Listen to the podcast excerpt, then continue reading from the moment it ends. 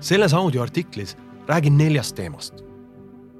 räägin, miks on tähtis, et tavakliendist saaks püsiklient. arutlen, miks on hea teeninduse mõju palju sügavam kui hea reklaami oma. kolmandaks, miks tasub investeerida teeninduskoolitustesse. ja neljandaks, räägin emotsioonide ja tunnete olulisusest kõikides teenindusega kokku puutuvates valdkondades. head kuulamist mis sa arvad, kui paljud kliendid vastaksid maksimumhindega küsimusele, kui suure tõenäosusega soovitaksid nad sinu kaupa või teenust oma sõpradele ja ostavad sult tulevikus uuesti? sellest audioartiklist saad teada, et majanduslikust seisukohast ei olegi sellel mingit vahet, sest äri kasv sõltub millestki palju enamast kui kliendi rahulolu. mõni on hinnaliider, mõni innovatsiooniliider, mõni valdkonnaliider, üks sõnaga kindel. kõige kasulikum on olla liider püsiklientide arvult. raamat Lojaalsuse efekt, varjatud jõud, mis suunab kasvu, kasumit ja kestvat väärtust originaalis The loyalty effect, the hidden force behind growth, profits and lasting value kirjeldab, et kui ettevõte suudaks muuta vaid viis protsenti rohkem juhukliente püsiklientideks, siis tähendaks see kahekümne viie kuni sajaprotsendilist kasumi kasvu kliendi kohta. hea teenindus tähendab, et kontakti tulemusena ettevõttega tunneb klient end emotsionaalselt paremini kui enne kontakti algust. Gallupi uuringud näitavad, et kliendid, kes tunnevad, et kontakt ettevõttega puudutas neid positiivselt, kulutavad rohkem, külastavad ettevõtet rohkem eiravad konkureerivaid pakkumisi ja üleostukatseid, reklaamivad ettevõtte brändi oma sotsiaalvõrgustikus ja andestavad üksikud möödapanekud teeninduses. numbrid räägivad enda eest. kui esimene ostukontakt läks kliendile emotsionaalselt korda, siis tõenäosus, et ta ostab uuesti ka tulevikus, kasvab kakskümmend seitse protsenti. ja tegemist on siinkohas eksponentsiaalse trendiga kui ettevõte suudab tagada ka järgmisel korral emotsionaalselt positiivse kogemuse, on tõenäosus juba nelikümmend seitse protsenti suurem, et klient ostab veel. pärast kolmandat positiivset kontakti suureneb tõenäosus, et kliendist on saanud püsiklient juba viiekümne neljale protsendile. näiteks, kui klient on ärireisil peatunud positiivseid emotsioone tekitanud hotellis, siis võib ta tulevikus selles hotellis peatuda juba koos oma perega suureneb tõenäosus, et tema kaaslane tarbib selle hotelli iluteenuseid, et ta soovitab hotelli oma tutvusringkonnas ja korraldab selles hotellis oma sünnipäeva. tuleb välja ka, et püsiklient kulutab keskmisele ostule rohkem kui esmaklient. ettevõtetel, mis suudavad klientidele südamesse minna, on võimalik püsiva kvaliteedi tagamisel konkurentidest ette minna, sest inimesed on nõus nende teenuse eest rohkem maksma. on kaks nüanssi mis mõjutavad seda, kui palju klient kulutab. esiteks see, kui mitmel korral on klient varem ostnud ja teiseks see, kui pikka aega ta on kliendiks olnud. RJ Metricsi tehtud uuringust ilmnes et, et kümme protsenti kõige lojaalsematest klientidest kulutab keskmiselt kolm korda rohkem kui üheksakümmend protsenti ülejäänud klientidest. üks protsent tippklientidest kulutab viis korda rohkem kui üheksakümmend protsenti ülejäänud klientidest. mida kauem on klient püsikliendi staatuses, seda suuremaks tema ostud lähevad. ühest kolmest maailma suurimast strateegilise konsultatsiooni ettevõttest, ettevõttes nimega Bain Company, mis tegutseb kolmekümne neljas riigis ja kus töötab enam kui viis tuhat seitsesada inimest, läbi viidud uuring leidis otsese seose ka selle vahel, kui pikka aega on inimene olnud ettevõtte klient ja kui palju ta on valmis keskmiselt kulutama. leiti, et jaekaubanduskliendid, kes on ettevõttest ostnud kauem kui kolmekümne kuu jooksul, kulutavad keskmiselt kuuskümmend seitse protsenti rohkem ostu kohta kui oma esmaostul. kui minu vanaema veel elas, siis käis ta oma madalast sissetulekust hoolimata Nõmme turul oste tegemas, kuigi seal oli toit mõnevõrra kallim kui turu kõrval olevas toidupoes. turul oli midagi, mis trumpas üle vanaema ratsionaalse vajaduse säästa ja pakkus midagi palju olulisemat. emotsionaalset vajadust oma lemmikmüüjatega suhelda. on leitud ka, et püsikliendid soovitavad kordades rohkem. Bain Company leidis, et pärast esmaostu soovitab inimene teenuse või toote pakkujat keskmiselt kolme koma ühele inimesele. pärast nelja sisseostu viiele inimesele ja pärast kümmet sisseostu kasvab soovituste arv hüppeliselt viiskümmend protsenti ning klient soovitab müüjat kümnele ja enamale inimesele. seega, kui püsiklient ostab ja soovitab kordades rohkem kui juhuklient, siis on vähe asju, mis oleksid ärilisest seisukohast ettevõtte jaoks olulisemad kui juhuklientide muutmine püsiklientideks. ja ometi ei juhtu see niisama, mõtlemise tulemina, vaid see vajab konkreetset tegevusplaani, mille üks olulisemaid osi on erakordse klienditeeninduse pakkumine. ei ole võimalik, et keegi oleks vabatahtlikult püsikliendiks ettevõttele, mille teenindusega ta rahul ei ole kaheksakümmend protsenti ettevõtetest kirjeldab end kui kõrgkvaliteedilise teenuse osutajat. kuid ainult kaheksa protsenti nende klientidest ütleb, et on saanud nendes ettevõtetes kõrgkvaliteedilist teenust. Kaks tarbijat viiest väidab, et jättis halva teeninduse tõttu ostu sooritamata. juhtimiskonsultant John H Fleming kirjeldab raamatus Human Sigma Managing the Employee Customer Encounter kuidas ühe suure autorendi ettevõtte tegevjuht sulges pärast üht ettekannet märkmiku ja lausus ülejäänud juhtkonnale. mul on väga kahju, härrased. ma mõistan, mida te öelda tahate. ma tõesti teen seda. kuid tõde on, et kui ma saaksin elimineerida iga viimsegi inimliku kokkupuutepunkti kliendiga, siis ma teeksin seda. miks? sest iga kontakt meie töötajaga on järjekordne võimalus midagi ära rikkuda. Online broneeringud ja iseteenindusaparaadid on lihtsalt kordades efektiivsemad ja kulusäästlikumad. Nad tulevad alati tööle, ei kurda kunagi, neil ei ole iialgi halb tuju ja nad ei tee kunagi vigu. ma ootan päeva, mil ainus inimene, keda klient näeb, on tüüp meie turvaväravas, kui ta platsilt autoga minema sõidab. ja isegi tema, üks inimene, on liiga palju. mina, Alar, aga isiklikult ütlen, et hea teenindus on võimsam kui ükskõik milline reklaam, sest kui reklaam ütleb osta meilt, me oleme parimad, siis hea teeninduse puhul ütlevad seda kliendid. enamikes organisatsioonides mõistetakse, et hea teenindus on miski, millest ei saa mööda vaadata. Eesti inimesed reisivad rohkem kui kunagi varem ja on tõenäoline, et nad puutuvad seetõttu kokku tõeliselt hea teenindusega kõikides sektorites. iga kord, kui inimene kogeb teenindust, mis ületab tema senise kogemuse, saab sellest tema jaoks selle sektori uus ootuspärane standard. Starbucks, mille numbrilist lugu võib pidada üheks kõikide aegade muljet avaldavaimaks edulooks äris. näiteks, kui sul oleks olnud üheksakümne teisel aastal kümme tuhat dollarit, et paigutada see Starbucksi aktsiasse, siis aastaks kaks tuhat kaks ehk kümme aastat hiljem oleks selle raha väärtus olnud kuussada viiskümmend tuhat dollarit ehk tootlus oleks enam kui kuus tuhat viissada protsenti. on loonud kõik vajalikku selleks, et kontaktid kliendiga tooksid kliendi tagasi. kusjuures keskmine külastaja käib Starbuckis kaheksateist korda kuus. Starbucksi vundamendi üks komponente ongi iga töötaja selge mõistmine, mis äris nad tegutsevad. Starbucks ütleb töötajatele väga selgelt. me ei ole kohviäris me oleme inimeste äris.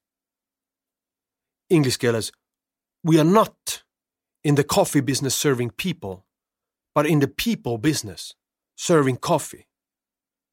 Kokkuvõttes kõik, kes sõltuvad kliendi soovitustest ja püsiklientidest, on inimeste äris. inimeste äri on aga emotsioonide äri. seetõttu ei olegi kliendi positiivne emotsioon miski, mille juhuslikkusele saab loota vaid miski, mida tuleb süsteemselt toota. ettevõte, kes seda loogikat täielikult mõistab ja on selle oma äriedu vankri ette rakendanud, on seitsmesaja miljoni dollarilise aastakäibega USA jaekaubandusettevõte The Container Store, mis on valitud Fortune saja parimaks tööandjaks juba üheksateist aastat järjest. kuna ka Container Store'i juhtkond mõistab, et nad ei ole lihtsalt pakkelahenduste äris, vaid emotsioonide äris, siis investeerib ettevõte uue teenindaja koolitusse esimesel aastal kakssada kuuskümmend kolm tundi. samal ajal, kui konkurendid investeerivad seitse tundi. Pole ka ime, et ettevõte on olnud valdkonna esinumber juba nelikümmend aastat. nüüd on lihtsalt küsimus, kas ettevõte investeerib koolitusse nii palju, sest ta on valdkonna parim või ta on parim seetõttu, et ta investeerib koolitusse. äriedu sõltub konkurentsi olemasolul emotsioonist, mida kontakt ettevõttega loob.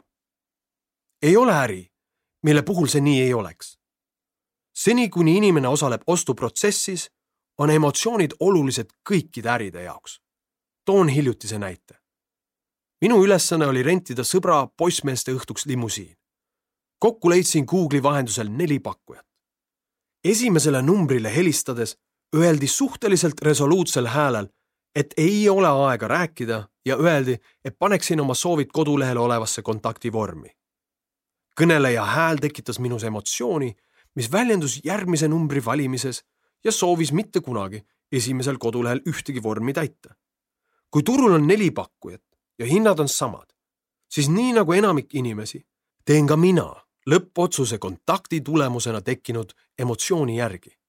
valin selle, kellega suhtlus tekitab minus parima, see tähendab kõige mõistetuma ja hoolituma tunde.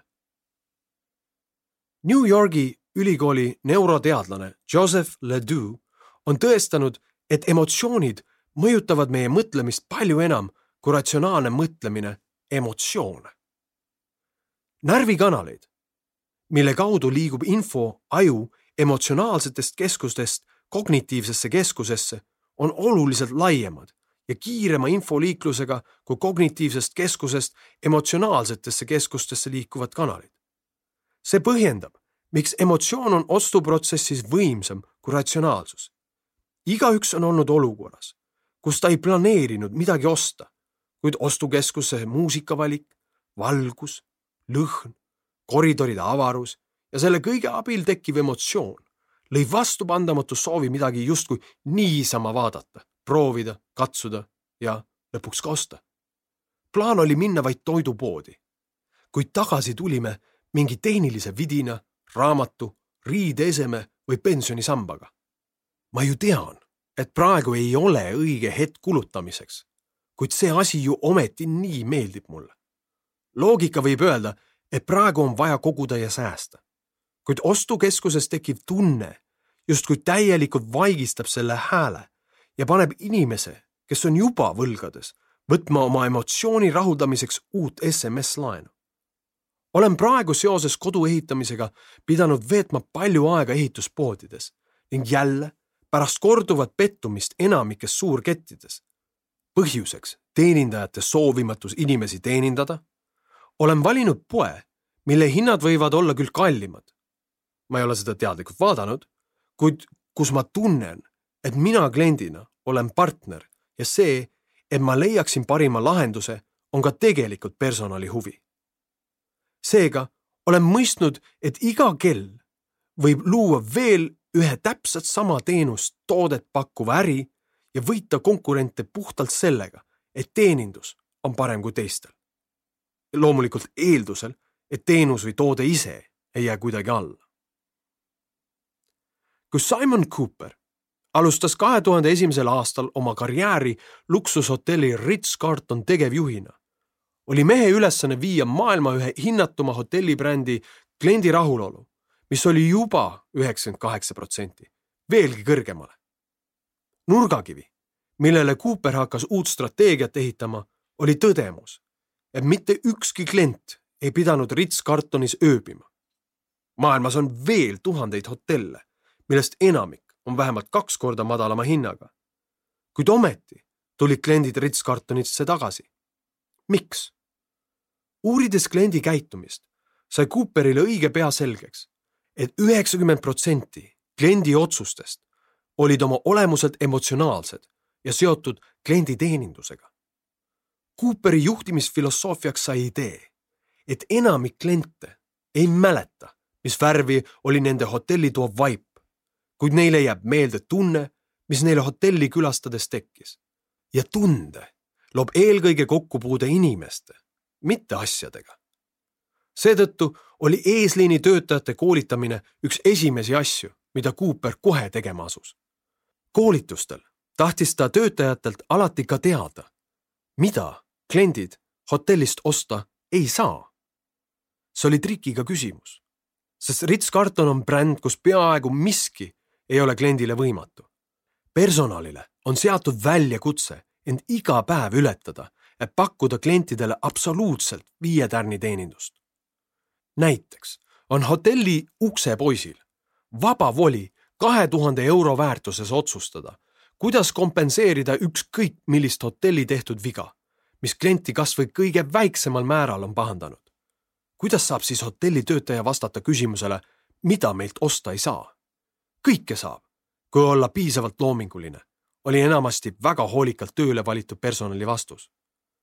kuid mida Cooper sihtis, oli see, et iga hotellitöötaja une pealt mõistaks, et maailmas, kus klientidel on valik, kelle poolt oma rahaga hääletada, loevad asjad, mida raha eest osta ei saa. soojus, hoolivus ja tähelepanu. nii lihtne ja ometi nii raske. vahel on selle mõtte edasiandmiseks vaja koolitaja abi. emotsiooni jõud. olen Saaremaa püsiklient. ainuüksi selle saare feeling'u pärast. Lähen sinna igal aastal tagasi juba viimased kolmkümmend aastat. olen oma elukaaslase püsiklient. tema hellus on mind puudutanud ja loodan seda temaga jagada elu lõpuni. olen oma sõprade püsiklient.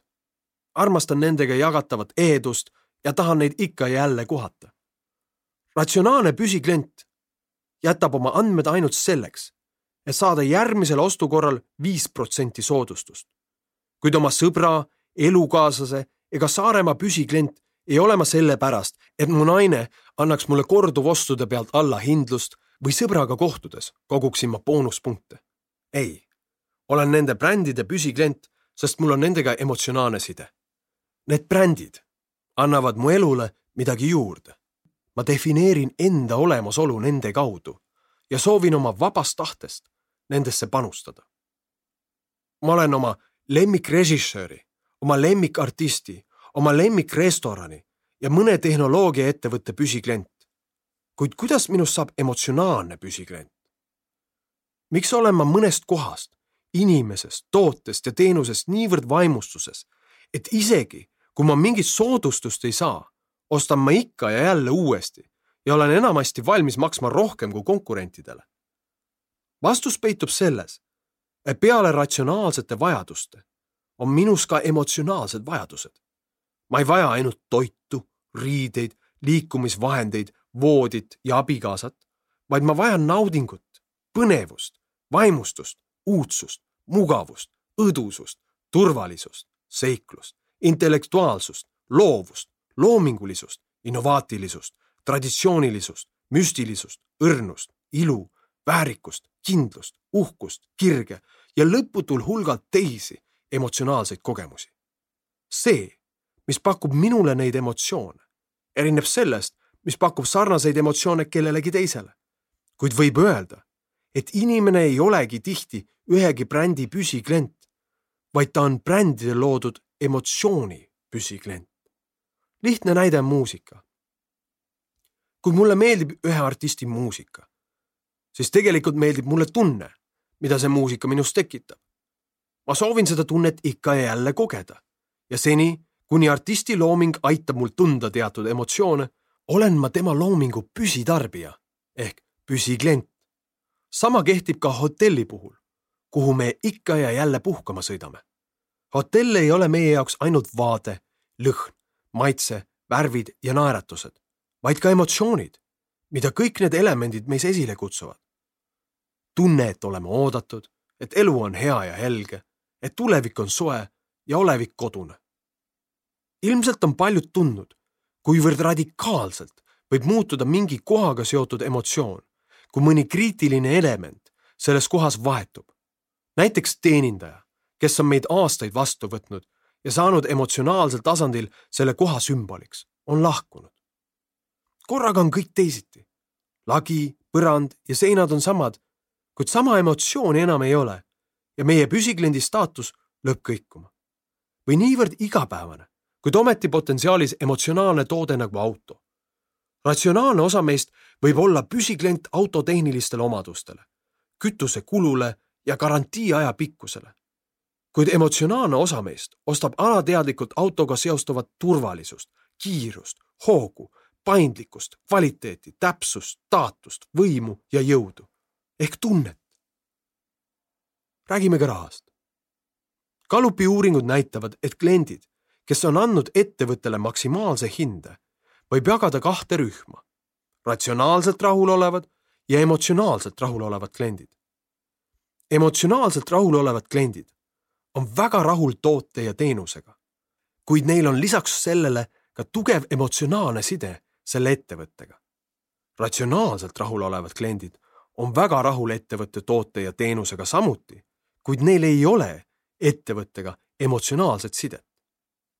kui emotsionaalselt rahul olevad kliendid toodavad ettevõttele igas mõõdetavas kategoorias rohkem tulu, käive, kasum, ristmüük, maht, väärtus, siis ratsionaalselt rahul olevad kliendid ei ole kuidagi kasumlikumad rahulolematutest klientidest. toon kaks näidet. kui Gallup uuris ühte suurt USA panka, siis emotsionaalselt pühendunud kliendid lõpetasid kuue kuu jooksul kliendi suhte kolmkümmend seitse protsenti väiksema tõenäosusega kui ratsionaalselt rahulolevad kliendid. seevastu rahulolematute klientide käitumine ei erinenud kuidagi ratsionaalselt rahulolevate klientide käitumisest. sarnased tulemused ilmnesid ka siis, kui Gallup uuris ühte suurt rahvusvahelist krediitkaarditeenust pakkuvat ettevõtet. kuue kuu vältel kasutasid emotsionaalselt rahulolevad kliendid kaarti keskmiselt kolm koma üks korda ja kulutasid kakssada viiskümmend üks dollarit kuus. ratsionaalselt rahulolevad kliendid kulutasid keskmiselt sellest summast vaid poole ehk sada kolmkümmend üks dollarit kuus ja kasutasid sama perioodi vältel kaarti vähem, kaks koma viis korda kuus. taaskord oli rahulolematute klientide käitumine peaaegu identne ratsionaalselt rahulolevate klientide omaga.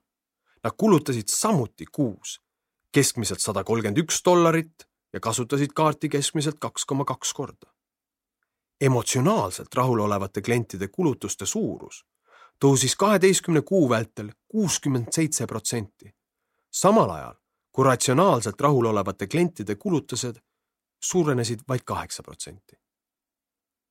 oluline ongi teada, et nii-öelda kuulsast soovitusindeksist üksi ei piisa.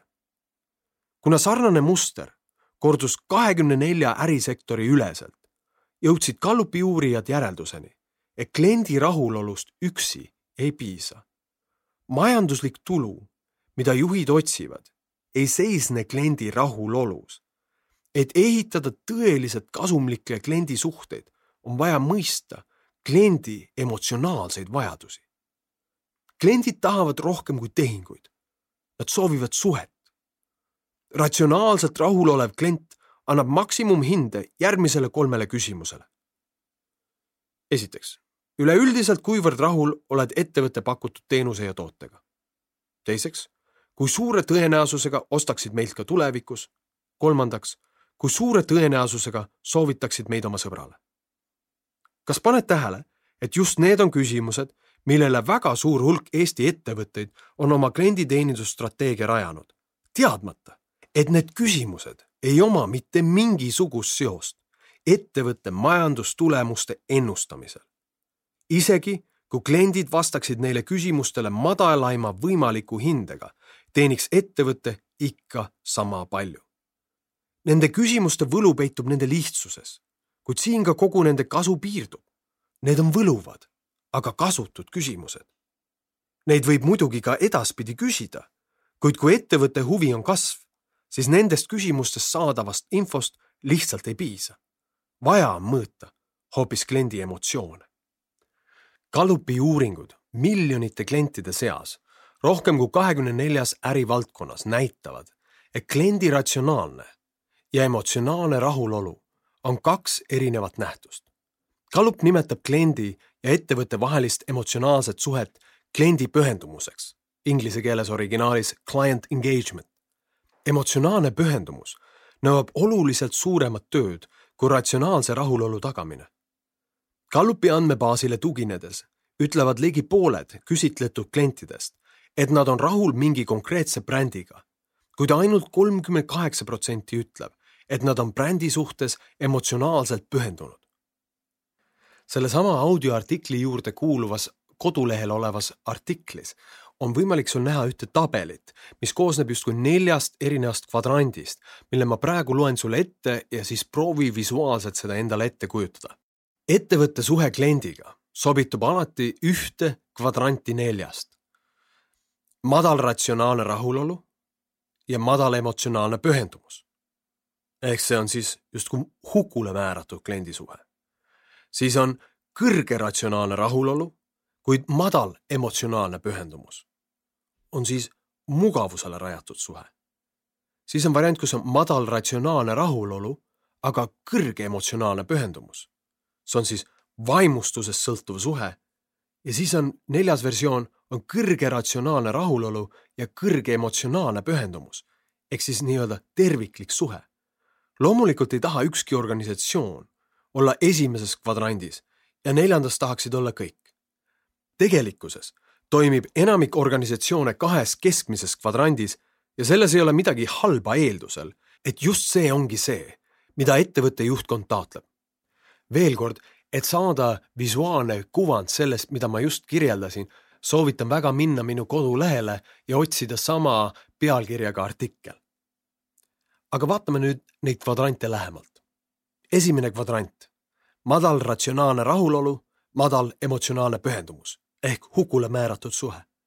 selles kvadrandis on mitmed ettevõtte toote või teenusega seotud tahud, funktsionaalsus, hind, mugavus, kiirus oluliselt keskpärasemad kui see, mida konkurendid pakuvad. kui ettevõte kiirelt midagi ei muuda, on tegemist hääbuva ettevõtmisega.